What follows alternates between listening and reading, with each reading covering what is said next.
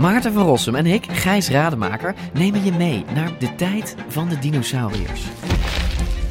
Ja, jij vindt het gemene beesten Het gewoon eigenlijk. gemene beesten. Ja, Kijk, kijk naar ze. Beesten zijn niet gemeen. We zijn het eigenlijk nooit eens. Maar T-Rex is toch veel sexier. Nee, ik vind de kakkerlak net zo sexy als T-Rex. Ja, ik zie dat je daar moeite mee hebt. Voor iedereen die vroeger al van dino's hield en nu nog steeds een beetje, luister naar DinoCast.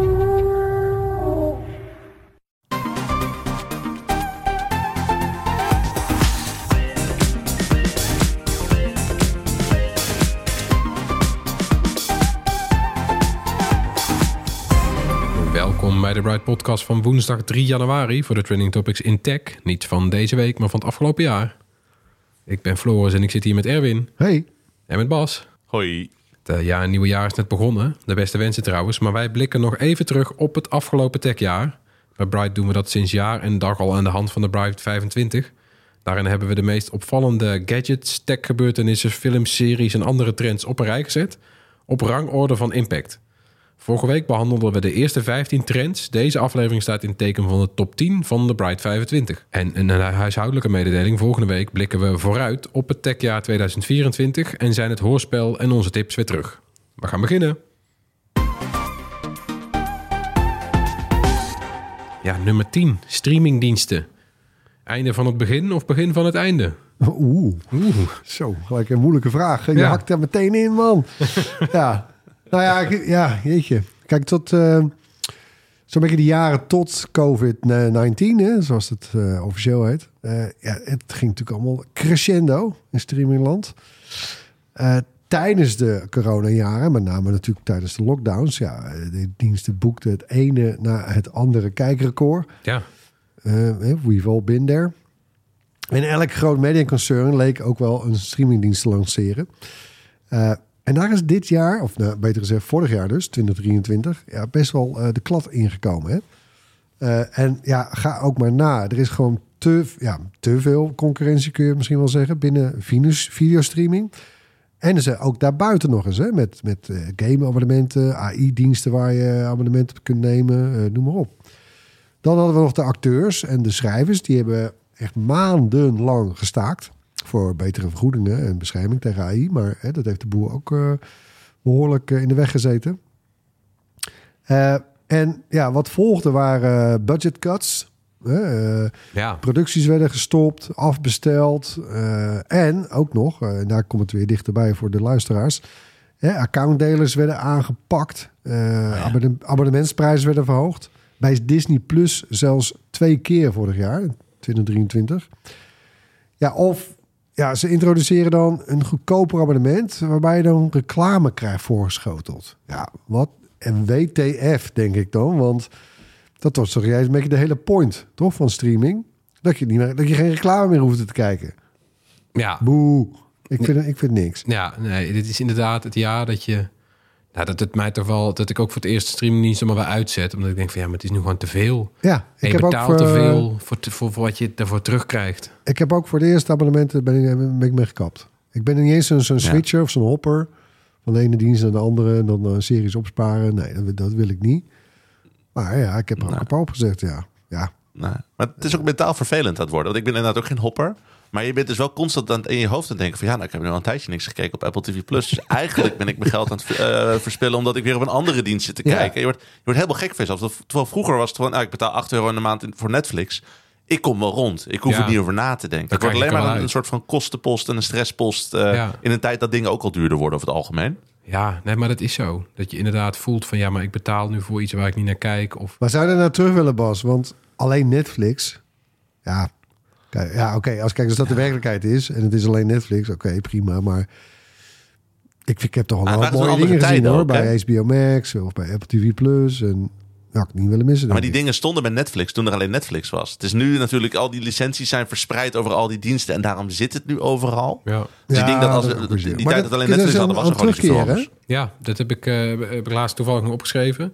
Eh, HBO is er al mee begonnen natuurlijk nu. Eh, Disney de- ook, toch? Nou, Disney wilde mee gaan beginnen. Eh, Oh. eh, schreef laatst de New York Times. Eh, HBO is ermee begonnen. Als je ook op Netflix kijkt, dan kan je oude HBO-series zoals Band of Brothers en Shameless en zo, die kan je gewoon kijken. op Netflix. Eh, het zijn zeker niet de nieuwste series, maar eerst was het beleid van, van die concurrenten van Netflix alles van Netflix af. Eh, dus ook Disney, die Ja. heeft bijvoorbeeld al die Daredevil-series en zo. Eh, dus Marvel maakte eerst gewoon series op Netflix toen Disney nog een eigen streamingdienst had. Nou, die heeft Marvel er allemaal van afgetrokken. Oh, Dan moet je van naar Disney Plus gaan. Dat lijkt nu weer een beetje de kenteren. Dus al die oude dingen, die komen langzaam weer op Netflix.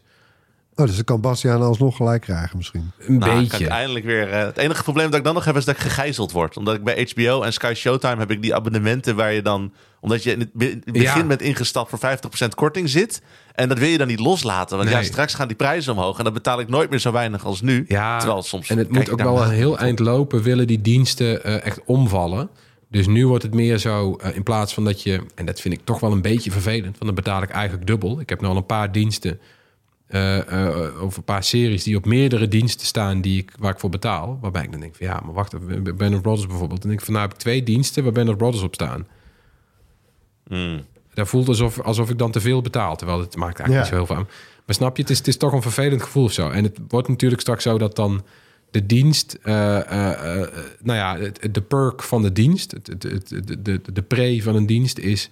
dat die als eerste de, hun eigen exclusieve content laten zien. Dat is straks waarvoor je Disney Plus hebt. Dus het zou best kunnen dat serie X of Y... over een aantal jaar op Netflix komt... Maar als je hem nu wil zien, terwijl de hype er rondom is... moet je bij Disney Plus kijken of HBO Max. Of, weet je wel? Dus dat, dat zal wel blijven. Maar ja, daar betaal je dan wel extra voor. En ja, wat je ook zegt, je wilt toch niks missen. Ook nu terugkijkend op het jaar. Daar komen we straks nog op. Er zijn heel veel goede series. En verdomd als niet elke streamingdienst wel een toppertje ertussen heeft zitten. Nou, hè? Ja, ik weet niet. De, de gouden dagen, gouden jaren, die, die lijken wel voorbij hoor. Ja. Zijn we bij nummer 9. Tesla Supercharge voor onderweg. Kia Charge voor thuis. Ha. Ja. Oh ja. Ja, want het, is- het, het supercharger-netwerk van, van Tesla is natuurlijk wereldberoemd. Kia kwam dit jaar met Kia Charge. De eerste simpele thuisoplossing voor bidirectioneel laden. En Kia installeert dan een systeem in je huis... waardoor nieuwe elektrische auto's van Kia dienst kunnen doen als thuisbatterij. Hebben we natuurlijk vaker gehoord. Eh, Er zijn veel nieuwe auto's die kunnen dan dienst doen als thuisbatterij. Maar ja, dat moet je dan wel eerst regelen. Want wat betekent dat? Dat als je zonnepanelen hebt... dan laad je je auto gratis op als de zon schijnt... En als de zon weg is, dan komt dat bidirectionele. Dan draait jouw huis op die auto in plaats van op het stroomnet. En dan ben je dus in principe nog steeds gratis bezig. En dan zorgt dat Kia Charge ervoor dat, dat niet, niet je auto helemaal leeggetrokken wordt. Zodat je de volgende ochtend niet meer weg kan. Kan je allemaal instellen. Kan je zelf de parameters bepalen van tot hoe leeg die op welke dag mag. Want misschien blijf je morgen thuis. Nou, dan mag je best wel een eind leeg. Maar je wil ook niet helemaal. Nou, dat kun je allemaal instellen. Eh, ja, ik vraag me bijna af, weet je wel, het is, het is, het is, ook nodig. Eh, want de, we moeten de, de, de, de, de krapte op dat stroomnet opvangen. Want omdat zoveel mensen zonnepanelen hebben genomen... en omdat zoveel mensen hun auto opladen en zo... staat het hele stroomnet onder druk. Eh, waardoor ook de, de netbeheerder zelf eh, batterijen wil bijbouwen. Eh, nou ja, het staat op slot. Er zijn Ja, hele er nieuwbouwwijken? Ja, er zijn allerlei ontwikkelingen. Ook natuurlijk de voorgenomen afbouw van de salderingsregeling per Ja. 2025 tot eh, 2031.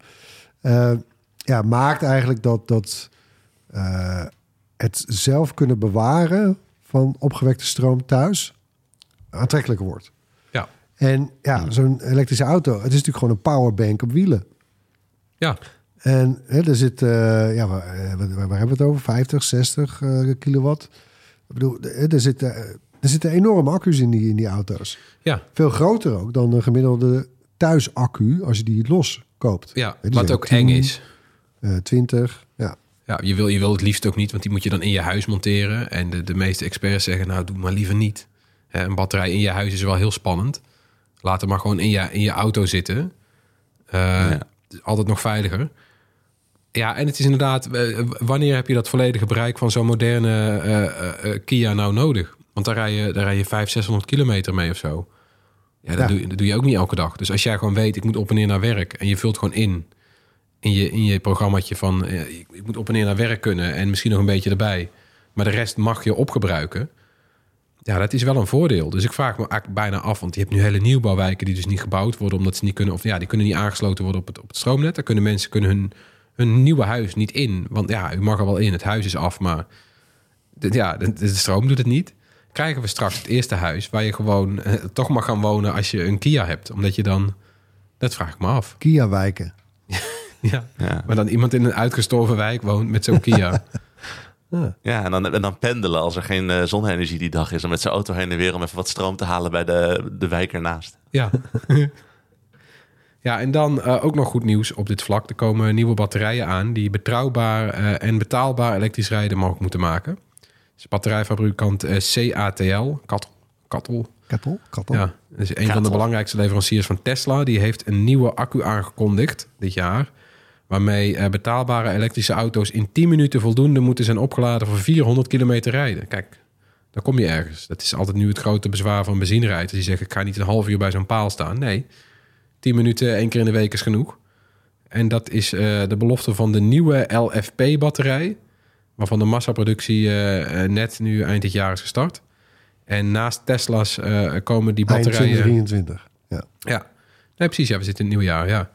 En naast in Tesla's komen die batterijen ook onder meer in Volkswagens, Volvo's, BMW's en Hyundai's. Want ze zitten vooral in goedkopere uitvoeringen van elektrische auto's. Het is een soort tegenhanger van de, van de ouderwetse bekende lithium-ion batterij. Maar dit, eh, ja, dan zit er ineens schot in de zaak, hè? Ja, nou ja, ik, eh, geweldig. Ik, eh, het is ook inderdaad nodig, hè, want het soort het helemaal ombouwen van, eh, van ons stroomnet, ja, dat gaat echt niet van de een op de andere dag. Dus nee, klinkt allemaal goed. Zijn we bij nummertje 8. De beste serie van het jaar. Voor nerds, de zaakjes. ja, want ondanks stakingen onder schrijvers en acteurs kunnen we terugkijken op eh, ja, toch wel een heel fijn jaar voor series. Daar zaten wel enkele sterkhouders tussen die afzwaaiden, zoals Succession, Sex Education en Barry. Hele goede serie. Eh, gelukkig gaan series als The Bear en Slow Horses, Slow Horses, zo spreek je dat uit, wel door tot volgend jaar. Sci-fi nerds die we zijn, waren we best tevreden met nieuwkomers Silo, Monarch, Legacy of Monsters en Gen V. Het tweede seizoen van, Foundation, het vierde van For All Mankind en het onverwachte zesde seizoen van Black Mirror. Eh, over Star Wars zijn we geloof ik wat meer verdeeld. Kunnen we het straks misschien nog over hebben. Eh, de topper van 2023 was voor ons het eerste seizoen van The Last of Us. De Ja. game, die alweer uit 2013 stamt, is een van de allerbeste van de laatste tien jaar. En de live-action verfilming, ja, die weet die eer eigenlijk ook wel weer waar te maken. Eh, we kijken erg uit naar het tweede seizoen, waarin een begin wordt gemaakt met de verhaallijn uit The Last of Us 2 uit 2020. En uiteraard naar het derde deel van de game, want die komt er ook aan. Ja, Ja, nou dat, zal, wel- dat zal nog wel een paar jaar duren, ben ik bang. Maar eh, ja, man, wat was die... eh, ik vond het echt eh, smullen, ja, toch? ja, maar vooral die Bill en Frank aflevering. Aflevering 3. Ja, Ja, Dat is de beste, beste aflevering in een serie Ja. ooit voor mijn gevoel. Ook de, de Ja, aflevering absoluut. waarin de game, de, of de- waarin de serie het meest afweek van de game, het verhaal van de game. Ja, Eh, ze vulde het daar wat meer in. Ja. ja. Want dit, dit verhaal zit ook in de, in, eh, de personages zitten ook in de, in de, in de game, maar dan op een Maar hele de andere manier. niet. Nee, en op een hele andere manier ook. Daar kom jij, eh, eh, daar kom jij gewoon eh Bill tegen. Volgens mij is het Bill dan toch? Ja. En dan, dan kom je in, Ja. zijn, eh, in, zijn, in zijn wijk eigenlijk. In zijn afgezette wijk kom je terecht. En dat, dat speelt zich heel anders af. En hier zie je inderdaad, ja, het is prachtig. Als je het nog niet gezien hebt, gaat vooral kijken. De muziek op het Ja. eind is ook heel erg mooi. Ja, De game was ook wat oneerbiediger met dat verhaal, hè? ja, het is een prachtig, prachtige aflevering. Ik begin me ook meteen in, in die trant ook af te vragen welke dingen uit deel 2 ze oppakken. Want daar zitten ook dit soort bijpersonages in.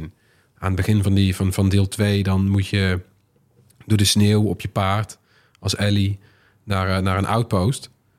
Eh, en dat is een bunker van, van ook weer ja, een vriend van hun. Een oude man. En dan moeten ze kijken waarom die al een tijdje geen radiocontact heeft gemaakt. En het is een bunker en die staat dan stiekem vol met wiet en zo. En die hele man die krijg je nooit te zien.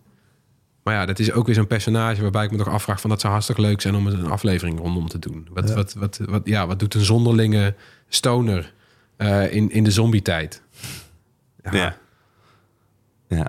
Ik was vooraf dus een beetje, beetje, beetje, beetje cynisch over deze serie voordat die uitkwam. Want de game zelf is natuurlijk al heel cinematisch gemaakt met motion capture, eh, capture en eh, hele goede acteurs die die rollen hebben ingevuld. ja. Dus ik dacht ook van wat kan een serie nou bijdragen? Maar ja, en, en je hebt dan afleveringen die heel erg afwijken, zoals met Bill en Frank. Maar de serie is wel heel ambachtelijk in dat het heel erg nadoet wat de, game heeft gedaan. Maar dat doet het, toch- dat doet het gewoon heel goed. Het brengt ook dat, dat verhaal op een hele mooie wijze ook gewoon naar een, een, groter publiek, wat misschien de game niet zou hebben gespeeld. Dus achteraf was ik juist heel blij mee. Had ik vooraf helemaal niet gedacht. Ja, en ook wel mooi. Hè? De, dus dit eerste seizoen heeft de hele verhaallijn van de eerste game verteld. De verhaallijn van het tweede deel van de game, eh, daar pakken ze waarschijnlijk twee seizoenen voor. Nou, moet wel toch?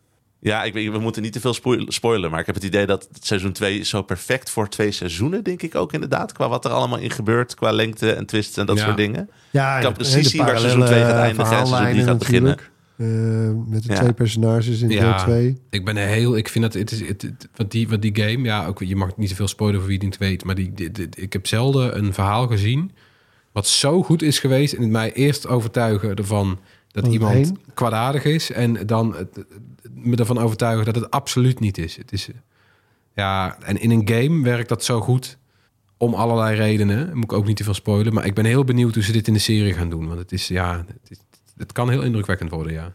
Ja, en dan, nog even, want eh, we hadden het over Star Wars. Eh, in het script hadden wij opgeschreven, in ons draaiboek, eh, dat, dat wij, Erwin en ik, niet, niet zo heel erg hyper de pieper waren over Ahsoka en het derde seizoen van The Mandalorian. Jij staat Dat er iets moest ik in, oplezen. Daar, daar dacht ik, dat ga ik niet zeggen hoor. Dat, dat, dat- dan leg je mijn woorden in de mond. Ik, ben, ik vind Ahsoka is mijn, denk ik mijn favoriete serie van dit jaar geweest. Het, was fantastisch. Het was een achtbaanrit voor mij.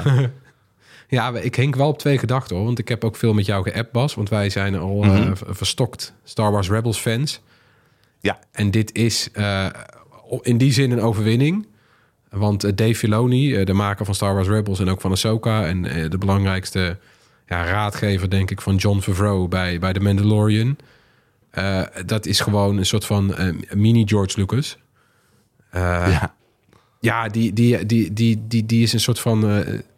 die, die, die wil de vaandel overnemen eigenlijk. Dus de, de, de vaandeldrager van, van, de, van de Star Wars saga. Die probeert er weer. eh, Die ja, moet de boel fixen. die moet de boel fixen. En dat is nu ook, dat is nu ook Ja. dit jaar vastgelegd. Hij is de nieuwe creatief directeur van Lucasfilm. Dus eh, nou ja, eigenlijk waar, waar Marvel eh, Kevin Feige heeft, met wisselend succes. Maar eh, iemand die de lijn bewaakt en die ook alle aspecten van het verhaal bewaakt. Dat, dat gaat hij nu doen. Dat vind ik wel heel fijn. En misschien had Ahsoka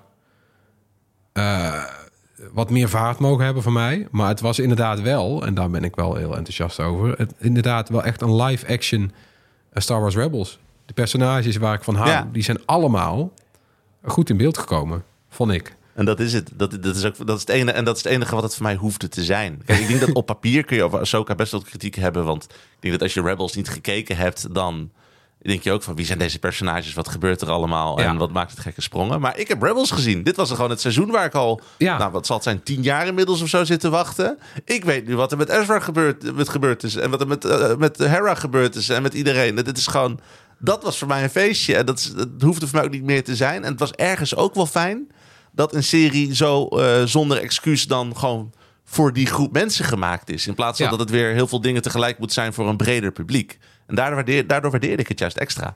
Ja, dat ben ik wel met je eens. Ja, nou ja, Ook ik vond het toch jammer, hè, want ik heb ook Rebels gezien, ik heb ook de Clone Wars gezien. Ik bedoel, ik, ik, het is een van mijn favoriete personages, Ahsoka, uit het Star Wars universum. En ik heb die op zien groeien, bij wijze van spreken, in al die series. Ja. En ik, kwam er, ik, vond haar, ik vond haar heel flat, hè, eh, pla- plat. Flat character bijna in Ahsoka, de live-action serie. Maar goed, oké, eh, weet je wat? eh, de, we schrappen het uit de analen, eh, Bas.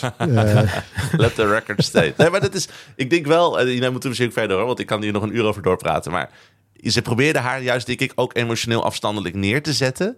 En dat is heel moeilijk om in een serie te doen. Want daarna, daar komt ze ook haast al een beetje plat inderdaad over. Van, oh, er komt niet zoveel uit. Maar er zit, zit er ook wel ingeschreven. Aan het moment dat het doet, eh, toe doet, wordt ze ook wat emotioneler.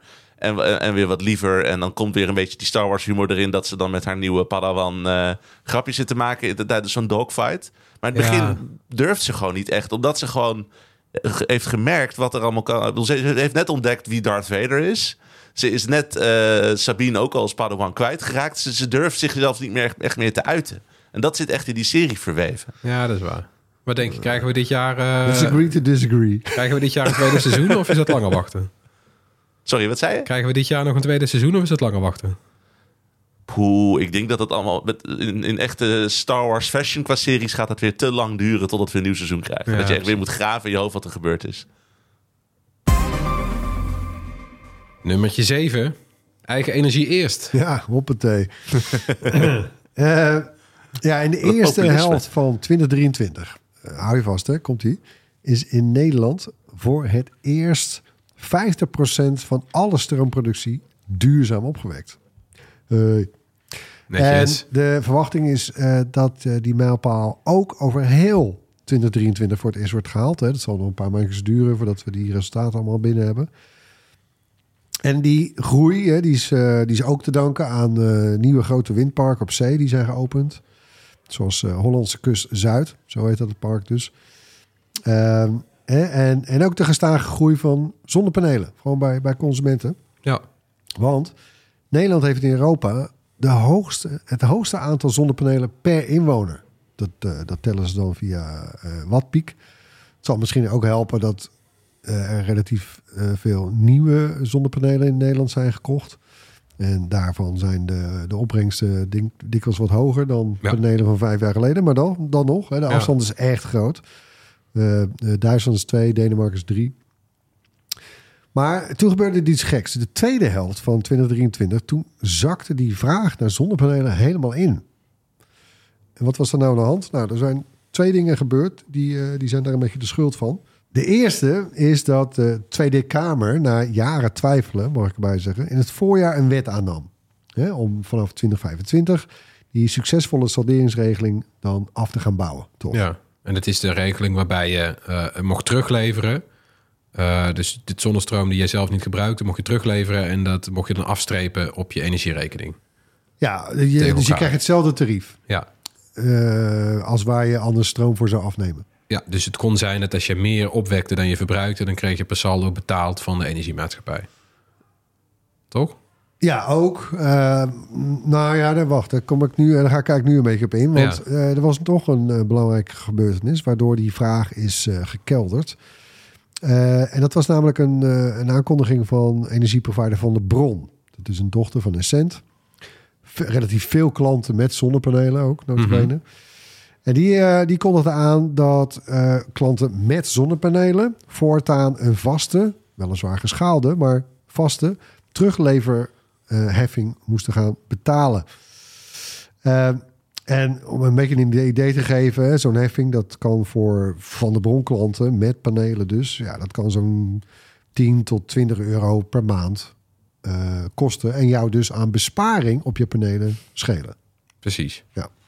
En nou ja, dat is op zich nog wel te overzien, hè, maar Mhm. dan nog, eh, hè, mensen zijn nou eenmaal eh, gevoelswezens. Hè, eh, dus ja, dat nieuws samen met die hè, mensen waren ook bang dat hun provider dat ook dan ging doen. Ja, en het voelt alsof je ineens eh, eh, minder krijgt voor, eh, voor meer ja, geld. Zoiets. nou, dat was ook wel zo, maar Ja. mm, het viel eigenlijk wel mee, maar zo voelde het niet. En dan samen met dat nieuws van die salderingsregeling en ja, dan was gewoon onwijs veel onrust.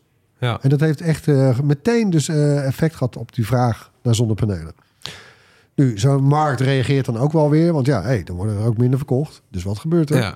Ja, dan daalt de prijs. Hey. Hey, ja, Ja. want die fabriek moet wel blijven draaien natuurlijk. Eh, dus, nou ja, per saldo, ja, ik wil niet... eh, even kijken, heft het elkaar helemaal op? Nou ja, eh, de, de, de makers zeggen in ieder geval dat die terugverdientijd nog steeds wel zo'n zeven jaar is. Ehm, ja. en daar bovendien bij komt bij, hè, dus die heffingen, zoals Van de Bronnes had, eh, had gedaan. De verwachting is, is dat die ook vanzelf wel zullen verdwijnen trouwens. Hè, zodra die saldering wordt afgebouwd. En ja, al met al blijven zonnepanelen daarmee dan toch echt wel een eh, goede investering. Eh, meteen hierbij ook een beetje een belofte. Want we zullen komend jaar wat meer gaan berichten over thuisaccu's in allerlei vormen en maten. Ja. Want die worden door dit soort ontwikkelingen wel echt aantrekkelijker. Ja, en ook buurtaccu's, dit soort dingen. Ja, weet je wel, er, er, zullen ook wel nieuwe regelingen komen. Eh, weet je wel, ik kan me ook voorstellen als de overheid gaat investeren in accu's. Nou ja, als die accu's worden volgeladen met onze gezamenlijke stroom... dan mogen we ook met z'n allen ook wel weer wat korting hebben op... Ja, of ook iets, zoiets simpels dat jij als particulier bijvoorbeeld stroom aan je buurman eh, mag verkopen. Bijvoorbeeld, Waarom ja. niet? Ja, dat mag nu niet. Nee. Nee, en het zou dat ja, en het, is technisch allemaal zo te regelen natuurlijk. Het is wel de, apparatuur, onze, onze meterkasten zijn er slim genoeg voor. Maar dat moet inderdaad wel afgesproken worden, dat het netjes gebeurt. Maar het is inderdaad nu zonde dat op piekmomenten... eh, eh, kan het voorkomen dat je gewoon energie opwekt die nergens naartoe gaat. Die moet je bij wijze van spreken afvakkelen. Dat is zonde. Maar daar komen we wel op. En zeker nu dat die zonnepanelen ook nog eens eh, verbeterd worden. Want dat zijn ook ontwikkelingen van dit jaar. Dat, dat de technologie wordt ook weer beter. Die dingen worden steeds efficiënter. Dus zelfs als je maar een klein dakje hebt... wordt het de komende jaren ook, ook voor jou interessant... om daar toch wat zonnepanelen op te leggen. Ja. Dan zijn we aangekomen bij nummer 6. Smartphone-strijd is gestreden. Samsung en Apple hebben gewonnen. Hey, Ja. hey, nou jongens, eh Gefeliciteerd. mogen we dat eh, naar huis. Mogen we het concluderen? Ja. Apple en Samsung hebben in Nederland 80% van de smartphone-markt in handen. En wereldwijd hebben ze ook de meerderheid. Alleen Google kan eh, ja, zijn pixel nog een beetje concurrerend krijgen. Met het, met het ecosysteem. Is ook wel een lekker ecosysteem natuurlijk. Maar dat is nog steeds niet echt eh, ja, een, een duidelijke nummer drie. Nee.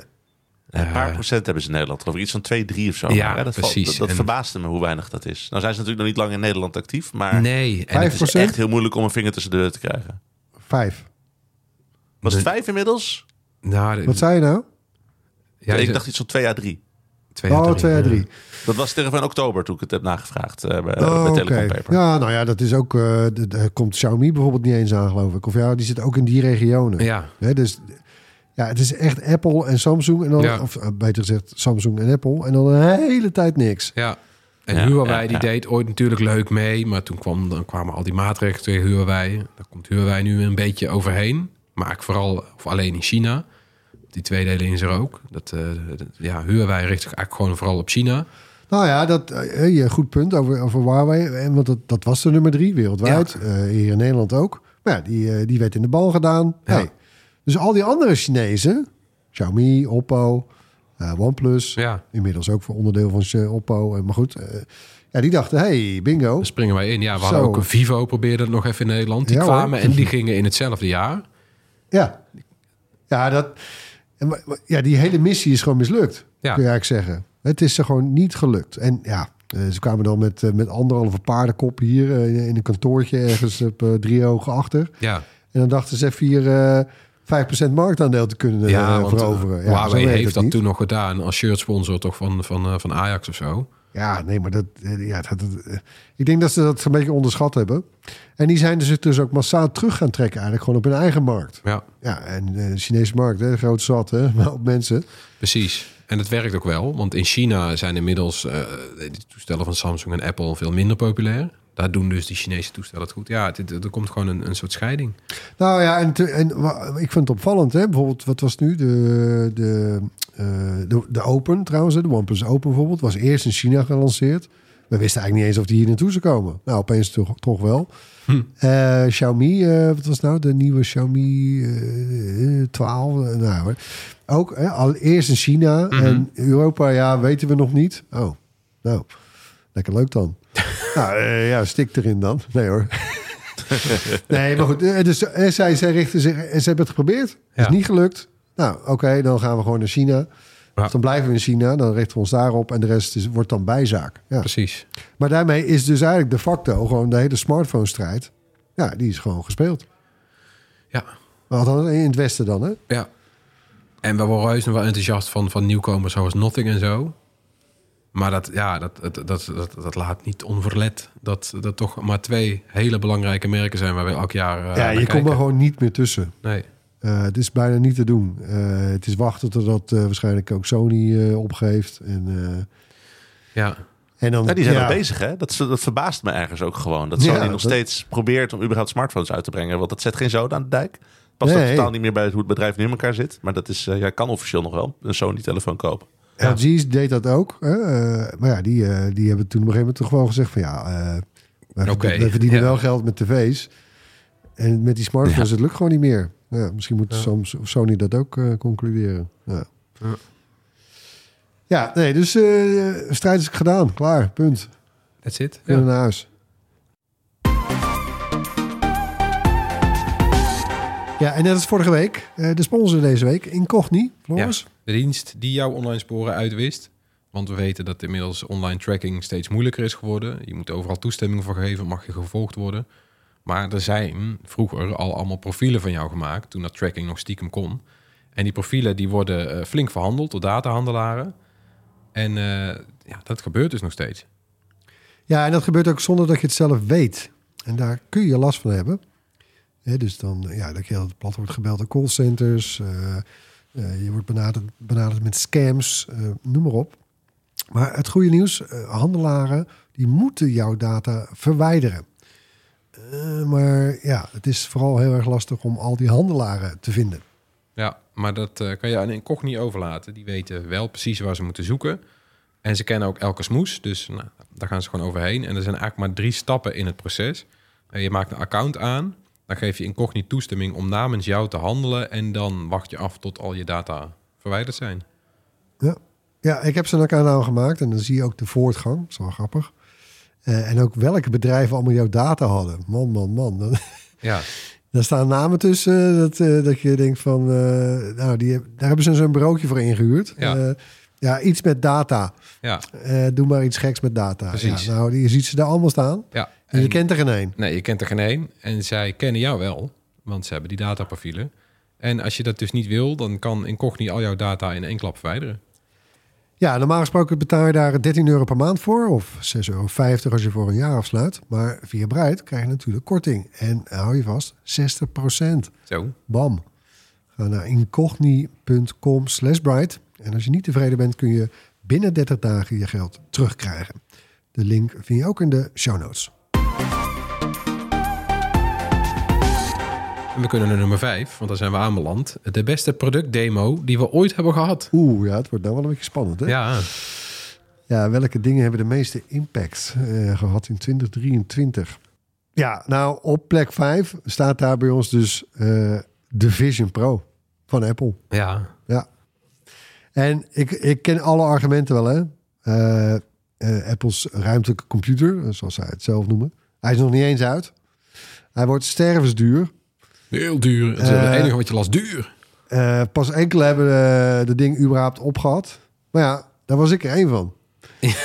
en ik kan je zeggen, ja, het was dus echt de beste demo die ik ooit heb gehad. Echt serieus. Ja, Ik was echt blown away. En ehm, ja, ze nemen dus hun tijd voor dit product. Hè. Ze maken, het is echt serieus. Eh, die aanloop was al, geloof ik, het was zeven jaar of zoiets, toch? Hè? Eh, Mhm. en ja, hopelijk komt de bril dit jaar ook al naar Nederland. Maar nou, waarschijnlijk niet. Eh, tja. Ja, Bas, tot die tijd moeten we het gewoon met de Quest 3 doen voor jou. Hè? Kunnen, kunnen we die allemaal Ja. wel even lenen om de beurt? De mijne is een stuk goedkoper. Dus die Ja, mag je dat best wel. een keertje op als je wil. Daar maken we niet zo zorgen over. Dit is, eh, wat dat betreft wel heel erg benieuwd. ehm, jij hebt inderdaad, eh, heb jij de Quest 3? Die moet je op dit moment nog op, denk ik. Hè? Dus De Quest 3 heb ik nog niet op. Ik heb de Quest 2 wel eh, een tijdje ge- gehad. Ja. ja. Want ik kom later deze week, als we dit opnemen, kom ik op de redactie. Ik wil jou even mijn Quest 3 op hebben, eh, opzetten. En dan wil ik van jou hoe, hoe dat zich verhoudt tot jouw Vision Pro ervaringen. Want dat vraagt natuurlijk iedereen zich af. Want die Quest 3 heeft ook dat mixed reality. Dat je de echte wereld hebt en daarbovenop dan allemaal weer schermen en zo ziet hangen. Maar het is natuurlijk een fractie van de prijs. Die kost iets van 500 euro. Ja, Eh, maar kijk, het hele verschil, 3000. en het- dat, dat drukt zich uit in die prijs, eh, is de kwaliteit. Weet je, alles op die Vision Pro is 4K, alles tot de max. Ja, Ja, dat, daarom is die ook zo duur. Ehm, ja. Maar het is niet alleen maar dat. Hè. Het is ook de interface en hoe het... Ja, en gewoon ook weer, ook weer toch Apple's ecosysteem wat ze erachter kunnen, kunnen zetten. Ehm, Ja, want wat ik las van mensen die inderdaad wel beide hebben geprobeerd, is dat die vertaalden het als, eh, weet je wel, de transparantiemodus op AirPods Pro en AirPods Max. Die is eh, bij Apple veel beter dan bij de rest. Dus dat is de modus waarbij eh, de, de buitenwereld via microfoons eigenlijk eh, eh, je oren inkomt. Die, het- het- ik weet niet hoe ze dat bij Apple gedaan hebben, maar dat is de enige, het zijn de enige koptelefoons en oordoppen waarbij dat realistisch klinkt. Niet te hard, niet te zacht, niet vreemd. Gewoon precies zoals Ja, zonder koptelefoon of oordoppen. En ik las dat dat, de besturing. eh toch? speelt denk ik ook een rol, hè? Wat, Hm? wat, wat speelt een rol? Nou, de, de besturing van. Want je hebt natuurlijk bij die, bij die Vision Pro heb je geloof ik inderdaad oogtracking. En dan gebruik je je vingers, zeg maar, Ja. om Ja, te tikken, om iets te bevestigen. Precies. Terwijl die, die, die Meta Quest, die heeft, daar zit wel handtracking in. Die gebruik ik af en toe als ik te lui ben om controllers te pakken. Maar soms zit ik dan toch nog een beetje die gekke beweging te maken van... open dat menu nou voor me. Ja. Doe het nou, doe het nou. Ja, het is en gewoon ik- veel verfijnder. begreep dus dat inderdaad dan die Vision Pro eh, de, de echte wereld ook net zo eh, natuurgetrouw binnenlaat als dat de transparantiemodus van je AirPods dat doen. Dus dat is een Oh, beetje... dus daarom begon je dat is de, ja, daar begon ik erover. Dat is een beetje de vergelijking. Dus Ja, ja. eh, eh, eh, een drempel bij het opzetten van een noise cancelling koptelefoon is... Ik kan, ik kan de omgeving niet horen, dan moet ik hem steeds afzetten, vind ik niet leuk. Nou, daar is een hele goede oplossing voor. Dat zou dan bij die bril hetzelfde zijn. Als de echte Ja, wereld... maar ook daar, het is allemaal een kwestie van kwaliteitsverschil. Precies, als die echte wereld zo goed binnenkomt... dat Ja. jij die bril op kan houden... Je zit gewoon een 4K, eh, gewoon een heel hoog- hoogwaardig 4K-beeld te kijken. Ja, Nou, Maar ik wil eh, gewoon het die vo- Quest verschil 2, dan zit ik gewoon naar een soort eh, 8-bit zwart-wit beeld te kijken. En ik begreep dat bij de Quest Ja, 3 dat is het inmiddels wel kleur, maar Ja, maar de drie, als ik die s'avonds op heb, dan wordt dat beeld ook alweer wat korrelig. En er zit dan zo'n zo'n LiDAR-sensor op om de diepte te zien. Maar als ik dan wat te snel beweeg, dan zie ik opeens de diepte gewoon van mijn ruimte. Een beetje trippy heen en weer bewegen eh, in, in augmented reality. Ik wil gewoon eigenlijk heel graag weten van... wil- Ik, ik geloof helemaal dat die Apple-bril beter is. Ik heb ook heel veel zin om dat ding eens een keer zelf op mijn neus te hebben. Maar ik had niet het geluk van Erwin. Eh, ik wil gewoon weten wa- wat nou echt dat kwaliteitsverschil nou in de praktijk gaat zijn. Wa- wa- Waar ga je dat voelen? Waar ga je dat precies merken? Dat- dat- Daar ben ik reuze benieuwd naar. ja, je voelt het overal. Eh, en dat, ja, in mijn geval, want ik zo'n zo'n VR-bril-drager ben ik niet, maar eh, het was gewoon een verschil van dag of nacht. Eh, hè, met die Quest 2, ik heb die een paar maanden geprobeerd. Ook toen in de aanloop, weet je, toen de geruchten over die Apples bril steeds eh, hardnekkiger werden. En eh, toen denk ik vanavond, dan ga ik, ga ik die eens even goed testen. Nou, ik heb hem twee weken geprobeerd en daarna lag hij, eh, ik heb hem maar weer teruggegeven aan Bram. Ja, het, sorry, maar het is gewoon niet, het is it's not good enough. En hè, dus de executie zit hem dan toch ook niet alleen, het is niet alleen ook natuurlijk alleen maar interface en, en, en beeldkwaliteit en, enzovoort en geluidskwaliteit, maar ja, het zal ook eh, een, een spel worden van de content die ervoor verschijnt. Eh, absoluut, ja. maar ja, da- da- en, daar kan Apple hè? natuurlijk wel met zijn, met zijn macht en kracht eh, en, en relaties en ook met, met, met Disney bijvoorbeeld. Ja, Ja. ik zie het wel voor me. Ja, aan de ene kant wel. Aan de andere kant, ja, op gamevlak is Apple nog steeds nooit Nee, dat is waar. groot doorgebroken. En ik weet niet of dit daar een verandering in gaat brengen. Mm, weet ik niet. Kijk, het is. eh, ze hebben denk ik het geluk. bedoel, die, die chip die erin zit, is natuurlijk op een ARM-chip in feite. Ja. En Meta heeft nu al een heel ecosysteem gemaakt met developers die voor ARM-chips. Want die Quest is eigenlijk gewoon een Android-telefoon die op je, op je hoofd duwt, ventilator erop, lenzen klaar.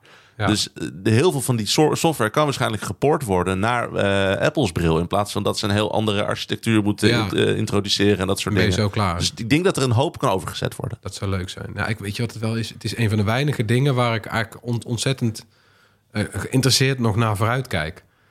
Want inderdaad, we zeggen net telefoons, Apple en Google hebben eigenlijk al gewonnen. Elke nieuwe iPhone en elke nieuwe Android of elke nieuwe Galaxy is nog wel interessant. Maar niet meer zo interessant als vijf jaar geleden. En dit is wel weer dat ik gewoon eh, jongensachtig blij word en denk van... Oeh, eh, ja, dus dit, Dit is waar we het vak voor in zijn gegaan. Ook, ook de vroege dagen van VR, dat was echt een beetje software development. Voelde een beetje als zeg maar eh, eh, softwaremakers uit de jaren 80 en 90. Dat van, oh, we, ontdekken wat een computer is en wat kunnen we er eigenlijk mee en, en wat voor weird shit kunnen we allemaal bedenken. Of net als de App Store in 2008. Ja. Dat gaan we straks denk ik ook weer opnieuw beleven. Dat we opeens toepassingen weer gaan verzinnen. Ja, Dat is, dat is waarom ik dit vak ingegaan ben ook. Dat vind ik echt super cool. dit is een leuk Kom vooruitzicht. maar op. Zijn we bij nummer 4. Twitter, X en de malaise onder Musk. Ja. Ja, eind vorig jaar kwam Twitter in handen van Elon Musk. En inmiddels heet, ja, inmiddels heet het X. Wij zeggen geen X eh, allemaal, geloof ik. Nee, Ik hoor iedereen nog steeds zeggen. Ja, Ik ook, eens. Maar, de, maar de, sinds het X heet, of eigenlijk daarvoor al, is de aftakeling eh, volledig ingezet. De inkomsten zijn ingestort omdat adverteerders weglopen. Eh, ja, dat doen ze omdat er staat bij hun advertenties steeds meer radicale content. Gewoon heb je een mooie, mooie reclame voor een telefoon. Dan staat er eh, iemand uh, nazi-retoriek te verkondigen. Dat vinden adverteerders kennelijk niet leuk. Nee. Dan verlaten ze de website. Ja, heel gek hè. Eh, Musk zelf die is ook bezig om eh, steeds weer allemaal gebende haatzaaiers terug te brengen. Dus Alex Jones die is laatst weer toegelaten. Die eh, al die complotvideo's maakte en eh, beweerde dat er allemaal, allemaal aanslagen niet echt gebeurd waren. Donald Trump die is er weer op. Eh, Andrew Tate die heeft geloof ik ook weer toegang. Dus het is eigenlijk al- iedereen die de site vroeger minder leuk maakte, die eh, wordt door hem persoonlijk weer toegelaten. ja. Het is heel belangrijk allemaal. Vrijheid van meningsuiting is het, eh, het grootste goed voor Elon Musk. Ja, hij schiet Ja. gewoon door. Ja, Dat is het jammer eraan. Ik, bedoel, ik, vind, ik vind het basisidee eigenlijk nog niet eens zo slecht, maar Nee. Nee, het, is, het schiet Het is door richting hè? pesten en haatzaaien inderdaad. En het- het- een, een bepaalde toon voert ineens eh, de boventoon. Ja, en die toon die vind ik niet prettig. nee. Nee. Ja, en gebruikers verkassen ondertussen allemaal naar concurrenten. Dat wil de grond eh, schieten. Dus je hebt eh, Threads van Meta met eh, 140 miljoen gebruikers. Staat ze nu geloof ik op. eh, ja, nog voordat, ja, nog voordat de EU, er zijn nog geen nieuwe cijfers van, maar nog voordat de EU eh, erbij kwam, zaten ze al op 140 miljoen jaar. Ja, dat zal voor het einde van het jaar. eh, het zou me niks verbazen als we naar de, eh, minstens de 200 gaan. Voor, eh, nou, als je deze aflevering luistert, staat dat misschien op de website. Nou ja, het is natuurlijk... eh, in december is het ook nog eh, in de EU gelanceerd, toch? Nog, uiteindelijk. Ja, Wel leuk. Nou, we zitten er allemaal op. Hè? Jij ook, jij ook. ja, hoor. maar, ja, ja, ja. Mhm. Vinden we ervan?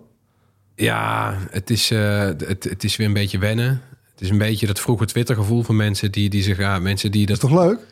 Ja, deels Nee. wel. Ja, de, de- het, is, het is eh, deels de toon die ik miste. De toon is een stuk beter in ieder geval. Dus dat hele haatzaaierige is er vanaf. Het is nog wel een beetje aftasten van, van er zitten ook allemaal mensen bij die, die al jaren geen Twitter-account hebben gehad.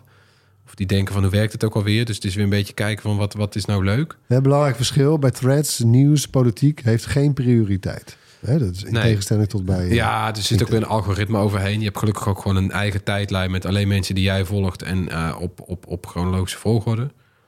Maar we zitten een beetje in de witte broodsweken wel. En dat is nu het gevaar. Ik vind Ja. Threads nu eigenlijk ook wel weer heel leuk. Dat ik denk van, oh, het is hier wel, we- zijn hier een beetje samenhorig. Een beetje 2009 Twitter. Het is gezellig, Maar ja. het gevoel heb ik ook gehad toen ik naar Blue Sky ging. Het Ja. gevoel heb ik ook ja, gehad hoe is toen dat ik een over een paar Mastodon maanden? opzetten. Toch? Ja, en, en, en Blue Sky kijk ik al steeds minder. Mastodon kom ik eigenlijk al niet meer. En het, ik ben een beetje bang dat Threads... Of het gaat met Threads ook gebeuren...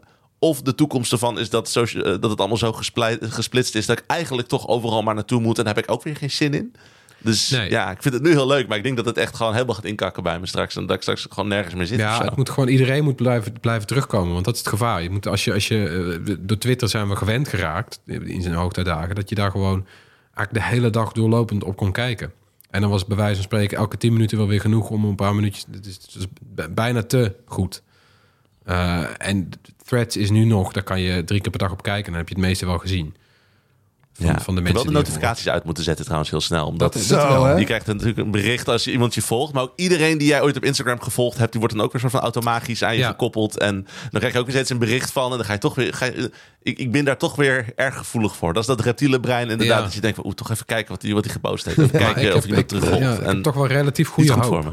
Want dit is weer het, met het, het netwerk waar heel veel bedrijven en politici eh, eh, opspringen. Nou, als er één app eh, Twitter van zijn troon kan stoten, dan is dit het denk ik hoor. Want, Ja. En ook als verder het niet lukt, nou, dan gaat het ook niet meer, gaat het niet Nee, meer als. Threads is niet lukt niemand inderdaad. En het is, ja, het, is- ze, eh, Musk is een sukkel dat hij het hem zich heeft laten gebeuren. Het is echt een sukkel. Want hij had, hij had in principe best wel goud in handen met, met Twitter. Ook al heeft hij het voor een te hoge prijs gekocht. Maar wat hij nou mee aan het doen is, dat, dat, dat begrijp ik helemaal niks van. Het is zo eeuwig zonde. Ik moet ook zeggen, ik, bedoel, ik, zit, ik zit nog wel op Twitter. Ik, ik heb iets van, ik ben een techjournalist. Mijn account verwijderen voelt sowieso eh, nog een brug te ver. Want ik wil kijken wat voor gekkigheid er nog gebeurt terwijl ik erover schrijf. Maar, en, en, ik ben echt een gewoontedier. Het maakt me, die site staat helemaal in brand, dat erken ik. Maar ik ga toch de hele tijd mijn tijdlijn zitten verversen om te kijken wat er allemaal gebeurd is. Maar ik sta er ook, steeds als ik dat doe, zie ik ook van, er gebeurt ook gewoon niks leuks meer. De leuke Nee. mensen zijn al lang vertrokken. Ja. Het zijn echt alleen maar bedrijven en, en, en, en, en, en eh, heel erg eh, eh, extremisten die berichten plaatsen. En de hele tijd ruzie met elkaar maken. En elkaar de hele tijd aan het weerleggen zijn. En de, de, de lol is er wel vanaf. Ja, er gebeurt niks meer. Ik keek wat, wat, wat deed een tweet van mij, weet je wel. Wat deed een beetje een leuke tweet van mij eh, voordat Musk het overnam. Duizend likes. Wat doet een tweet van mij nu? Ja, drie likes. Wat doe ik daar nog? Weet je wel, eerlijk is eerlijk. Ja. Je komt daar. is Ja, alleen maar voor de likes. nou, je komt. Dit, dit is wel een graadmeter. Je komt wel een beetje. Maar die drie likes wel- die komen ook van eh, drie hele aantrekkelijke dame, dames uit Polen. Want dat zijn alleen maar seksbots die tijd je tweets aan het liken zijn. Want iedere moderatie is er vanaf gehaald. Niemand heeft meer door dat... Nee. Het gaat nergens meer over. Het is, eh, het is zonde. Top 3. Daar zijn we, nummer 3. E-bikes in Spannend. 2023. Ja, dat was me wel een, een jaartje, hè? Allemachtig. Ja, het, eh, het begon allemaal in de zomer natuurlijk. Met eh, het faillissement van Venmoof. Zo hé, dat, eh, dat heeft een hoop in beweging gezet. Ja. Waren wij verrast? Nou, ja, nee, ja, het kwam wel een beetje. eh, Kijk, we wisten wel van, van geld, eh, issues en zo. En ook wij wisten natuurlijk inmiddels heus wel dat er problemen waren met de fiets en vooral met de reparaties. En dat het allemaal Ja. Takkenlang duurde. Toevallig en- hadden we een, een podcastaflevering eh, vijf dagen voor dat faillissement... waarin we zeiden, koop maar even geen Van mijn hoofd meer. Ja, nou bijvoorbeeld. Ja, Eh, maar goed, het, eh, ja, kijk, het was natuurlijk wel... eh, het was wel ook het be- het bedrijf dat, dat de Urban e-bike gewoon op de kaart heeft gezet. Hè, dus een, een, daarvoor waren het ja, een soort eh de, de Spartamet, weet je wel? Met zo'n Ja. cassette onder je bagagedrager. hè. En dan Vermogen heeft dat gewoon voor altijd veranderd. ja. Dat was knap, dat, eh, dat blijft knap. Maar ja, op de keper beschouwd waren het gewoon... En zeker bijvoorbeeld de S3 en de eh, X3 was het dan, hè? Ja, ja dat waren Ja. technisch gezien gewoon... Die fietsen waren onvoldoende, ja. achteraf gezien. Hè? En wij kwamen daar Ze staan hier ook- allebei in de, in de schuur. Kijk, als wij dus reviews maken, dan heb je, dan heb je, dan heb je zo'n fiets een week. Eh, hè, maar goed, eh, ook, eh, ook duur, bij duurtesten kwamen we daar langzamerhand eh, ook wel achter. ja. Ja, dat was, eh, dat was echt, ja, echt beneden pijl eigenlijk. Ja, en we hadden toevallig eentje die gewoon heel lang meeging. Maar dat is ook gewoon een van de... Ja, nou, want ik, heb, eh, ik had toen ik had een S5 besteld. Dat had ik gelukkig net op tijd afbesteld, v- vlak voor het eh faillissement. Eh, en ik heb via een curieuze manier heb ik alsnog toen een S5 te leen gekregen. Die staat bij mij nog steeds thuis. Alleen die staat al maanden niks te doen, want hij doet het niet. Ja, Oh, die heeft ook keurig ja er zal ergens een stekker los zitten in de motor of zo. Dus wel. ook jouw S5 heeft keurig gekregen? Ja hoor. Ja. En, En ik, heb- ik, ik, ik, heb er drie keer op gereden of zo. Ja, Nou, en die heb je geleend bij, die heb je geleend bij Vermoof 1.0. Voordat het, eh, nog, Ja. vlak voordat het vies Dus die, ja, moet je die dan teruggeven aan Vermoof 2.0? Dat weet ik niet. Ja, waarschijnlijk wel. Maar ja, ik, bedoel, ik heb er ook niks meer aan. Nee, dus, maar eh, dat ze- doet het me ophalen, want eh, hij doet het niet. Ja, Ah, zonde, hè? dus dat... Nou ja. Eh, ja, en er was trouwens natuurlijk nog een eh, partij, eh, Kwik.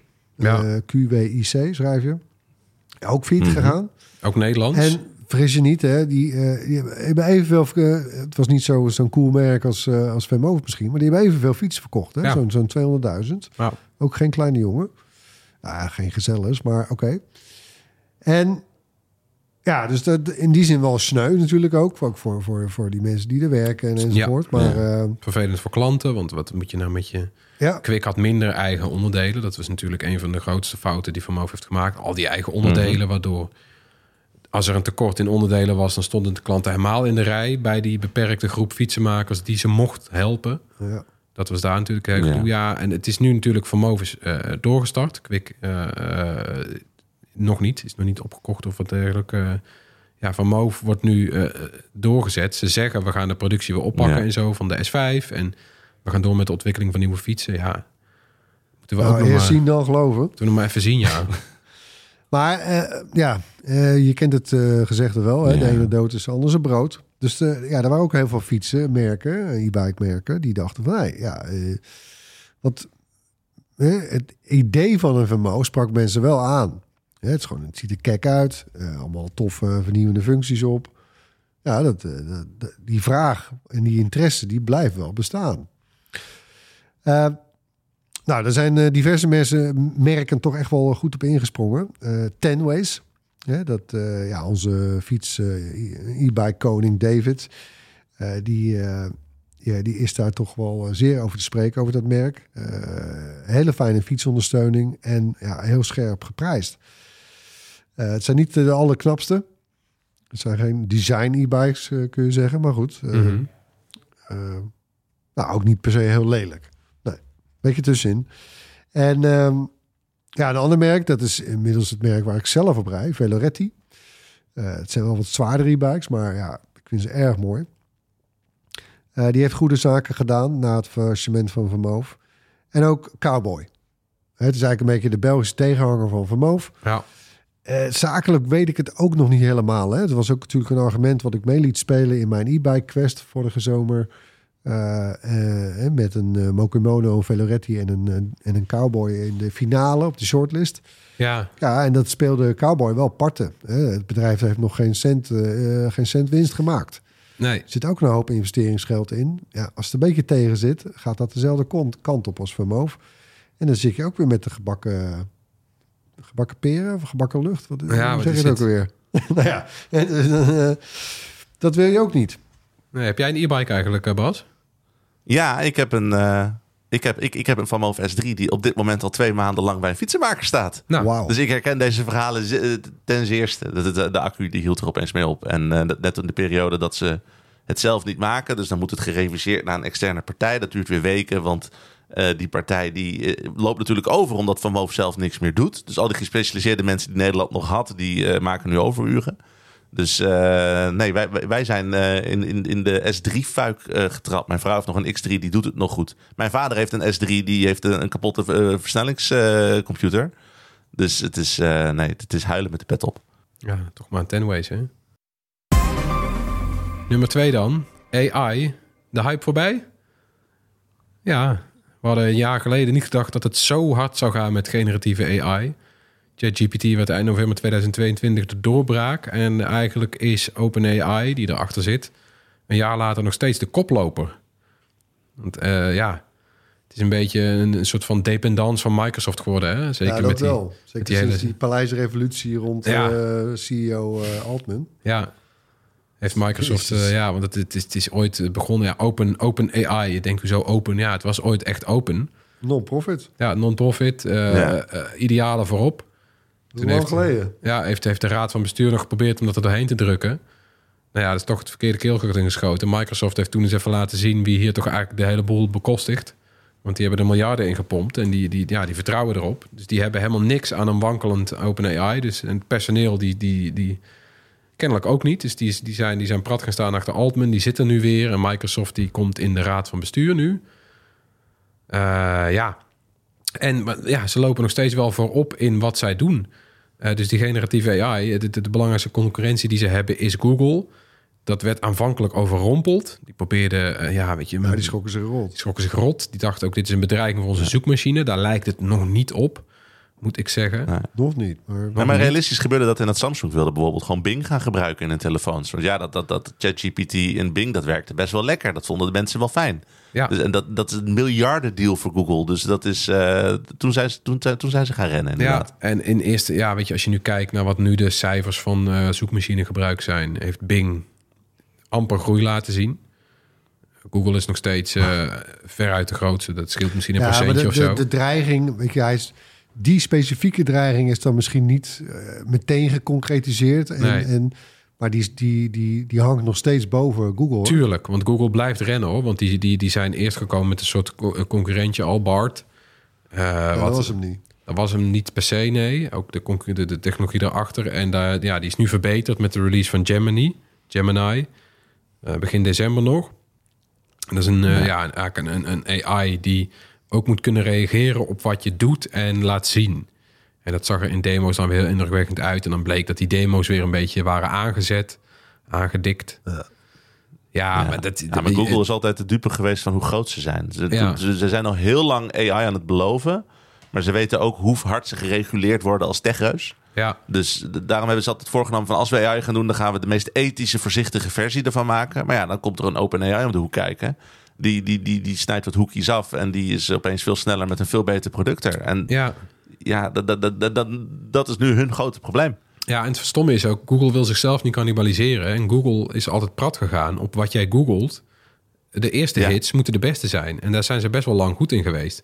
Ook met die knowledge graphs, door, door, door eh, informatie uit betrouwbare sites te liften. Ja, en, kom je ooit nog eens op een pagina 2 bij Google? Nee, is bijna nooit nodig. Nee. Dus Google is, eh, ook al zeggen mensen dat de kwaliteit is teruggelopen... je kan ook wel eens concurrenten proberen.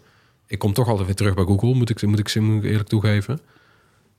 Ja, weet je, Google, Google is betrouwbaar. En wat je daar intypt, krijg je een goed resultaat. Eh, en je kan dat ook nog vrij goed met de hand controleren. Want weet je wel, als je een bepaalde vraag opzoekt... dan controleer ik vaak de bovenste drie sites.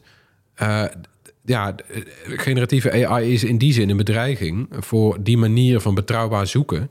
dat het nu nog onbetrouwbaarder is. Dus ik snap dat Google misschien ja, dit intern die ook al AI had. maakt, maakt nog fouten. Ja, maar dat, het, ja, Zulke fouten dat waarschijnlijk Google, als OpenAI er niet was geweest...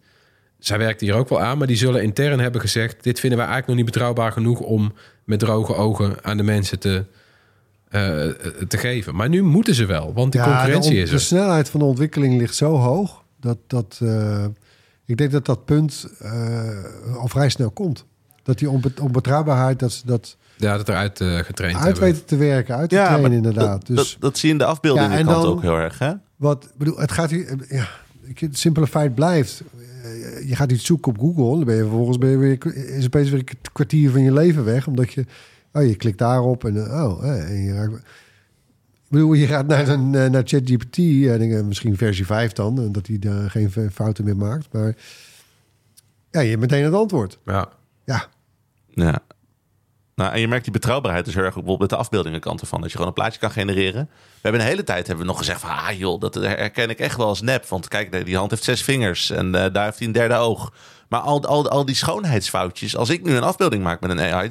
heel vaak zijn die er al niet meer. Ja, precies, dat wordt man. echt steeds moeilijker. En dat is eh, heel we snel begonnen gegaan. het jaar met, met tijd Dolly, geweest. inderdaad, met zes vingers. En we eindigen met Adobe Generative Fill, wat gewoon echt perfect werkt. Nou, nou, nou, Ja. niet, per- nee, sorry, niet perfect, maar het is echt wel een 9. Overtuigend genoeg, ja. Ja. Dus, eh, tja, nou, eh, we gaan het er nog vaak over hebben, denk ik, dit jaar. Ongetwijfeld. Dan de nummer 1. Hè? Drumroll, Ja, drumroll. eh, Die heb ik niet op mijn bordje staan, maar eh, zet je daar achteraf in. ja, is goed. Komt-ie. Komt die drumroll. Ja, wat staat er op één? Wat Ja. was de trend met de meeste impact eh, in 2023? Die, wij, die ja. wij het belangrijkst vonden. EU versus Big Tech. Bam. Ja. Zo hé. Ja, het was al een aantal jaren aan de gang, maar in 2023 weer op de tech-politie van de Europese Unie, ja, want zo, eh, zo kun je ze eigenlijk wel noemen, heeft voor het eerst echt zijn vruchten af. Phil- Silicon Valley heeft nog wel eens moeite met zijn morele kompas. Eh, dat is een understatement misschien zelfs wel. En de Amerikaanse overheid, hè, die laat zijn grote bedrijven maar wat graag groeien, ten koste eigenlijk nou, van van alles. En hier in Europa doen we dat toch echt wel even net wat anders. De rechten van burgers staan voorop. En daar heeft de Europese Commissie allerlei regels voor ingevoerd om die ook te bewaken. En een sprekend voorbeeld, gewoon heel dicht bij huis. eh, dat was natuurlijk de, de USB-C-plicht. Vanaf eh, 2024, dit jaar, moeten alle consumentenapparaten opgeladen kunnen worden via USB-C. Ja. Gaat eind dit eh, jaar pas in, maar ja, dan moet je voorsorteren. Hè? Voilà. En ja, er valt van. Je kan er heel lang over discussiëren. Doen we niet. Ik, ik, ik, vind, hè, eh, ik vind het een goed idee. En, eh, en je zegt terecht, hè, je moet voorsorteren. Dus zelfs Apple heeft Ja. moeten zwichten. En heeft zijn, eh, zijn Lightning poort op iPhones eh ingeruild voor USB-C. Ja. En ook allemaal andere apparaatjes. Maar ja, die iPhone, daar ging het natuurlijk om. En maar ook de Digital Markets Act uit 2022 en de Digital Service Act van vorig jaar, 23. Dat zijn echt overwinningen hoor voor de consument. Het zijn wetten, Europese wetten, die, spelen, die stellen speciale regels in voor grote techbedrijven. Die anders, ja, gewoon eigenlijk eigenhandig eh, bepalen hoe de markt eruit ziet. Want zo invloedrijk zijn ze, hè? Apple, Amazon, Google, Microsoft, Meta, de Big Five. Hè, met hun producten en diensten. Eh, ja, die, die invloed gaat echt heel ver. Ja. En de Europese Unie zegt dan eigenlijk van ja, oké, eh, maar dat gaat tot hier en niet verder. Basta. Dus er zijn hier veel duidelijkere regels, ook met duidelijke gevolgen trouwens, hè, voor wie zich niet aan die regels houdt. En dat betekent gigantische boetes. ja. We hebben het ook niet over een paar miljoen, hè? Eh, nee, we hebben het gewoon over eh, zes. Zelfs in enkele gevallen kan het oplopen tot 20% van de jaaromzet van zo'n bedrijf. Ja. Recent voorbeeldje nog, Meta.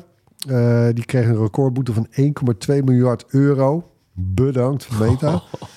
Eh, omdat het, eh, hou je vast, hè, de gegevens van Europese gebruikers heeft doorgestuurd naar servers in de VS. Ja, en dat mag dus niet. Nee. Nou, even afrekenen graag, dankjewel.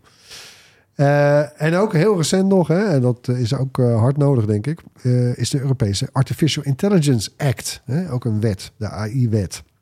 En die beschermt ons weer, en we hebben het er net uitgebreid over gehad, over de nieuwste tech-host uit Silicon Valley, AI. En als je het zo allemaal bij elkaar neemt, weet je, zo beschouwt, dan heeft de Europese Unie zich eigenlijk opgeworpen als, als mondiale scheidsrechter Ja. van Big Tech. En het is feitelijk daarmee het enige orgaan dat burgers beschermt. Niet alleen trouwens in Europa. Want die invloed raakt, het raakt de hele wereld. Eh, het enige orgaan dat burgers beschermt tegen Silicon Valley's favoriete motto: Move fast and break things. Ik, eh, ik ben er best trots op. Ja. Wat jullie? Ja, Ja, ja zeker. Het, de grap is wel, het is... eh, Silicon Valley's motto is move fast and break things. Europa is een beetje tegenovergesteld. Het is een heel langzaam vehikel. Eh, dit zijn allemaal van die processen die zijn echt jaren geleden in gang gezet. Maar dit jaar merkten we pas echt gewoon heel erg directe invloed ervan. Ja. Dus de- alles wat misschien vijf, zes jaar geleden begonnen is, dat is nu van, je zit nu met USB-C. Je hebt nu dat Apple straks bijvoorbeeld in de App Store ook apps buiten de App Store moet toelaten. Je hebt de NFC-chip. Alles komt een beetje nu tot uiting. Ja, ja, en ook wat we eerder al over gehad hebben, Threads, dat gewoon Threads wachten met zijn invoering eh, op een soort van goedkeuring van de EU. hè? Ja, was exemplarisch. Dus de, de- Ze luisteren. We weten ook dat, dat de EU heeft nu een loket geopend, anderhalf jaar geleden alweer, denk ik, in Silicon Valley. eh, waar die techbedrijven ook kunnen aankloppen. Ter verduidelijking. Weet je wel, het is, het is echt in plaats van, en dat is nu altijd tot nu toe het geval, dat, dat inderdaad move fast and break things. We zien wel, we gooien dit naar binnen, eh, we gooien dit de mondiale markt op en dan zien we wel waar het eindigt. Ja, en nu zegt de EU gewoon, nou doe maar niet, want dan komen wij inderdaad even in. Want we hebben Ja, geen zin ook- om onze eh, burgers een speelbal te laten zijn. Want we hebben het net ook over AI gehad. Ja, wat heeft dat voor gevolgen? Wat, wat, wat betekent dat voor banen? Wat betekent dat voor, voor auteursrechten? Wat betekent dat voor eh, een nepnieuwsverspreiding? Dat zijn allemaal dingen waar gewoon de EU van zegt... ja, leuk, maar ja, je hebt gewoon ook een bepaalde zorgplicht als bedrijf. Je kan niet dit gewoon naar buiten gooien... zelf het geld verdienen en de burgers maar Aan benadelen. hun lot overlaten eigenlijk. Ja. Ja, en natuurlijk, in, je zei het al een beetje. Kijk, Europa is vaak een beetje een speelbal hè, tussen twee eh, reuzen, Ja. Amerika en China. Die vechten eigenlijk ook een soort geopolitiek eh technologie, tech-oorlog uit. Ja. Met alle bands en zo en enzovoort. Space race, ja. En ja, het was altijd zoiets van... oké, we hebben dan weliswaar hier in Nederland trouwens... notabene ASML. Hè, eh, pff, eh, enorm belangrijk bedrijf. Misschien wel een van de belangrijkste bedrijven ter wereld. Maar, en wat hebben we nog meer? Spotify en oké, Signify. Ja, nou, het lijst is eigenlijk niet zo heel lang, hè. Maar ja, we hebben dus wel de EU-wetgeving. Ja, En daarmee zijn we wereldwijd toonaangevend geworden. Eh, en dat was vooral afgelopen jaar heel goed te merken. Eh, Apple past zich aan, Meta houdt pas op de plaats. Eh, ja, dit zijn de grote jongens en ze zijn bang voor de EU. ja. Dus dat, eh, nee, ik vind het een enorme overwinning in die zin voor de, voor de EU. ja daar mogen we echt best Ja. wel trots op zijn. Het zijn natuurlijk ook dingetjes die. Het zijn heel veel zaken zoals bijvoorbeeld USB-C. Dat zijn heel duidelijk van wat ik weet wat ik eraan heb. Ik heb nog maar één kabel en, ik, eh, er is minder e-waste, hartstikke goed. Maar de achterliggende gedachte achter die wetgeving zorgt er ook gewoon voor. Ik ga niet zeggen dat ze aan de stoelpoten zagen van Big Tech. Maar ze zijn constant tegen machtsmisbruik aan het optreden. Wat het ook makkelijk maakt om misschien dat er een kleinere Europese speler naast een Google en een Facebook en een eh, Apple kan, kan optreden. Te zorgen dat ze niet direct worden weggeduwd door het feit dat Google alle zoekresultaten beheerst. Dus ja, je komt er toch niet in. Dat, dat soort kleine dingetjes zorgen ervoor dat, zo, dat we misschien een beetje dat.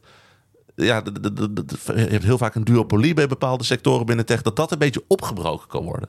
Ja. Het is fantastisch. Ja, nou, we, we- mogen er trots op zijn. En dan eh, zijn we weer aan het einde gekomen van deze aflevering. Bedankt weer voor het luisteren. Laat gerust iets van je horen. Mail naar podcast.bright.nl of drop een DM op een van onze sociale kanalen.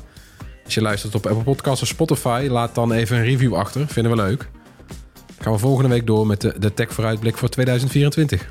Ja, en dan is ook het hoorspel terug. Dan zijn de tips weer terug. Dan eh, pakken we het weer op eh, zoals je gewend bent. Precies. Tot volgende week. Tot volgende week.